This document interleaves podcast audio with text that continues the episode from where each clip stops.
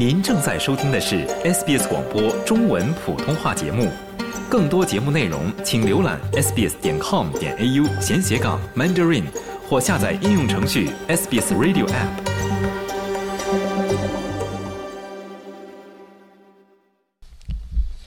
Kitty 孙呢是澳大利亚一家专注于帮助海外华人找到另一半的相亲平台的创始人。他告诉 SBS 普通话，在自己今年二月初举办的全澳相亲活动中，前来参与的男女嘉宾已经从2022年的近百人发展到今年的千余人。在各种简中社交媒体上，澳大利亚华人发帖吐槽自己找不到对象、圈子太小、恋爱无门的话题，也一直在被广泛的关注和讨论着。那么，这些身处海外但很难找到自己另一半的华人朋友们都有哪些痛点呢？发现了这些困扰的机构又在组织哪些有趣的活动，帮助大家拓展社交圈呢？什么才是最有用的恋爱秘籍？我们邀请到了该相亲平台的创始人 Kitty 做客节目，一起来听听她的分享。您刚才提到，在这个情人节当天可能会举办一些活动，可不可以请您跟我们讲一下，在澳大利亚您会举办什么样类型的活动呢？今年很有趣啊，因为刚好我们今年情人节又是中国年的时间嘛，所以我们在墨尔本和悉尼，包括布里斯班呢，我们都安排了呃非常喜欢汉服的呃传递，可以同时传递我们中国文化的这种汉服小姐姐，他们会装扮成这个呃财神爷的这种装扮，抱着元宝，抱着爱情。啊，这个抽签儿，然后呢，制定了很多签儿，然后在呃我们一些主流的大街上面去送姻缘、送爱情，大家也可以抽签儿啊。那么我们给呃所有在海外的单身人士，我们的华人都准备了很多一些小礼物啊。这个里面不排除说帮大家去送姻缘，去对接一些。你可能在生活圈层当中认识不到的一些人，哎，也有点像抽盲盒，因为这个是又这个传承中国文化，又有点泛社交娱乐性。抽盲盒也有一些，就是看看在这个机会当中能不能认识更多。的一些，看到您这个公司组织的活动，有一个让我印象还蛮深刻的，好像提到说在疫情期间有在线上做一个类似于像《非诚勿扰》或者说一个线上速配这样类型的活动，可不可以跟我们介绍一下主打的一些认识新人的这些活动都有什么？那疫情的啊阶段呢，大家都。一个人面对着四面墙，对吧？没有办法出去社交，然后特别是对于我们海外的华人来讲，在仅有的社交圈层里面，又只能面对着四面墙，我们就想还是要给大家提供更多的可能性啊！不仅仅是认识更多的异性伴侣，而是认识更多的朋友。在疫情这个阶段，让我们在线上有互相精神的交流，所以呢，我们就借用了《非诚勿扰》这种素材。其实我们也包括有很多相亲大会，那非诚勿扰在线上，它最有趣的一点呢，就是也是会有灭灯嘛，那我们就是有啊开视频和关视频的这种形式，去代表啊给男嘉宾的支持，或者是呃可能想再去观望一下其他男嘉宾，用这种开视频和关视频的一种形式，所以现场的其实啊这个环境氛围还是很有趣的。那与此同时，在疫情阶段，我们还有啊这个云上的奇葩说，啊相信大家有看过奇葩说，我们运用了很多当下年轻人的这些话题，包括啊婚前是否同居，啊呃这个结婚的时候关于聘礼的多少是否能接受，包括婚前是否呃能够接受财产公证等等，啊包括婆媳关系，啊包括这个嗯。男女之间现在，比如说遇到渣男渣女等等这些情况，我们已经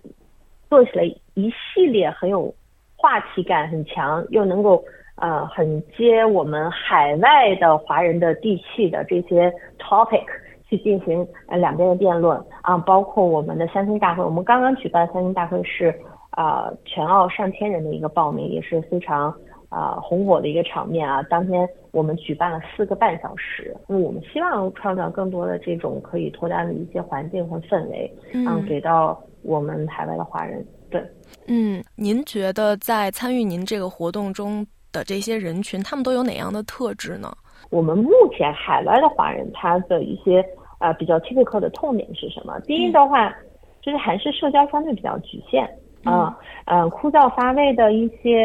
呃活动，或者是不善于社交，呃，日常就是工作家庭两点一线，圈子比较窄，非常非常有限的人圈，这是属于一类。那第二类呢，就是属于那种，啊，比如说像我们都是早些年小时候就出国，自己一个人奋斗多年啊，自己去拿 PR，自己去找稳定的工作，一直到有一还不错质量的生活，所以。越是奋斗了多年，越想找一个有共同价值观的人。大家不想随便的凑合，也就是宁缺毋滥啊，这是一种人。嗯啊，那第三种人呢，就是因为我们自己是独自在海面海外生活，所以其实有一些人也是会有一些啊长期发展 partner，或者说交往一段时间，那发现了价值观不符。哎，一晃又因为要去拿到更好的 offer，要去努力，要去拿 PR 等等的，就变成大龄青年。越是过往的感情过程当中没有得到正向的回报，并且又有生活面对生活要自己去有更多的就精力和时间去付出投入，那么这类型的人他是懒得去投入。当他一发现价值观不符，他就懒得去投入，因为什么呀？他信任危机，啊，快节奏，因为每个人都很快节奏生活。那有一些人就希望追求立竿见影，所以他懒得投入，又没有那么高的信任，就变成信任危机。所以这又是一类人群。那最后呢？可能我们众所周知，有一些城市啊，华人基数不是很多的，并且可能是呃，像是。人口流动很多，男女比例又相差比较大，性别失衡，啊，这是啊我们所说的第四个比较 typical 的啊单身的问题。但其实说实话，现在在国内也越来越多人表现出来很难谈恋爱，呃，结婚的年龄也是不断的在往后移。那您认为跟国内相比，澳洲的这些群体是否有哪一些特别之处呢？在这个寻求另外一半的时候？我觉得刚才您说的这个现象吧，在国内啊和海外，越是发展很快的一些城市，它有一个同样的问题，就是生活节奏特别快，很多单身的人越是年轻的，越希望追求立竿见影，很容易放弃，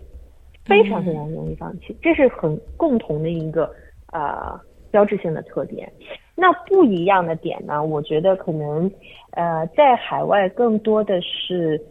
早期出来留学的，那可能从 high school 或者是甚至于更小小学的时候就出来。那这部分人，我觉得他是有着很多的西方文化的一个呃背景的一个一个长时间的一个感染，所以这个可能跟国内的单身人有很大的不一样，就是我们生活更加的节俭。那么在国外的话，呃，从恋爱这个事儿上还是比较单纯的。有一个这么一个说法啊，不知道您有没有听过？说这些最不会追人的人在追最难追的这些人。呃，这个现象是否也发生在澳洲的这个相亲市场上？当然，是的。呃，你确实说了一个很典型的现象，就是。不会追求人的人再去追求最难追求的人，确实是这样的。那刚才我就说过嘛，我们从毕了业然后到社会上去找对象这个过程，其实缺乏了先谈再恋再爱的这个过程。因为爱情它是有三角定论的，有激情有爱情，它才会有承诺。那么像是我们缺乏。练习恋爱的这个过程，就是从两性关系心理学里面啊，在两性呃谈恋爱这个性吸引力技能上面，我们的东方人啊，东方人普遍要比西方人他的这个性商要低一些。那也就是说，什么样是难追的呢？难追的那些人，其实他的性商也不会很高。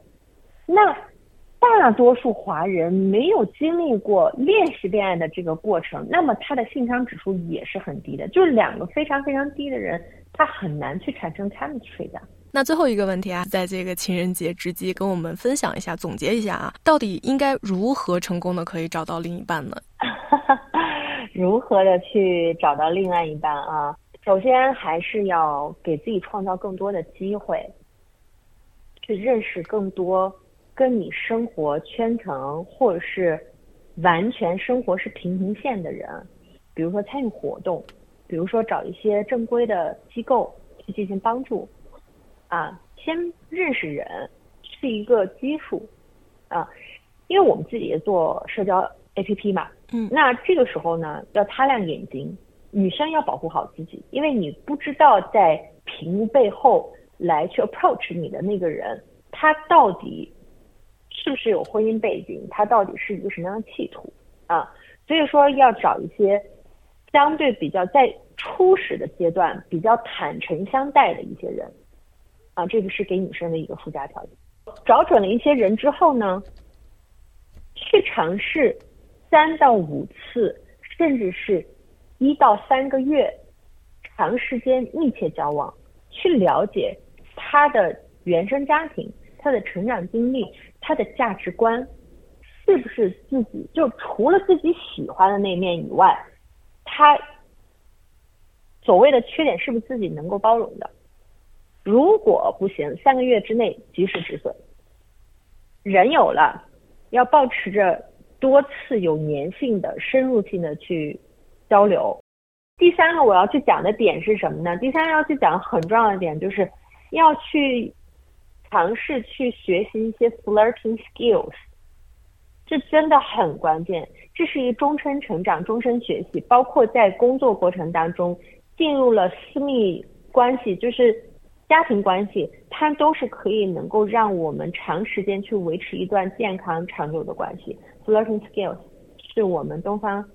男女都会比较缺乏的一点啊，一定要去多去尝试 flirting skills。那么练习恋爱，其实在中间也能够去试错嘛。就是如果你可以用自己的时间成本和精力去进行试错，当然你也可以去选择一些正规的机构去啊，有人去手把手教着教你啊，陪伴你啊，告诉你在什么一些是关键点，去有怎么样更适合的选择啊。所以这都是缺一不可的。那如果说把这些不断去进行啊多人多元化的方式，我相信很快就会脱单的。其实希望都在转角。那在情人节到来啊，也祝大家海外的单身华人能够早日找到属于自己的幸福。喜欢、分享、评论，欢迎您在 Facebook 上关注 SBS 普通话页面。